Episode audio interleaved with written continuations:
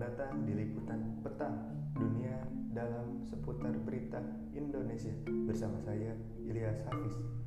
Kita ke informasi utama, kerusuhan di lembaga permasyarakatan Tuminting, Manado, Sulawesi Utara terjadi hingga Sabtu malam.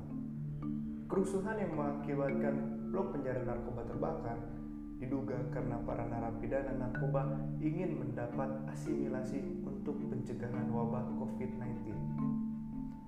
Sebelumnya, para narapidana narkoba tersebut berdemonstrasi menuntut asimilasi pada Sabtu sore karena tidak mendapat respon.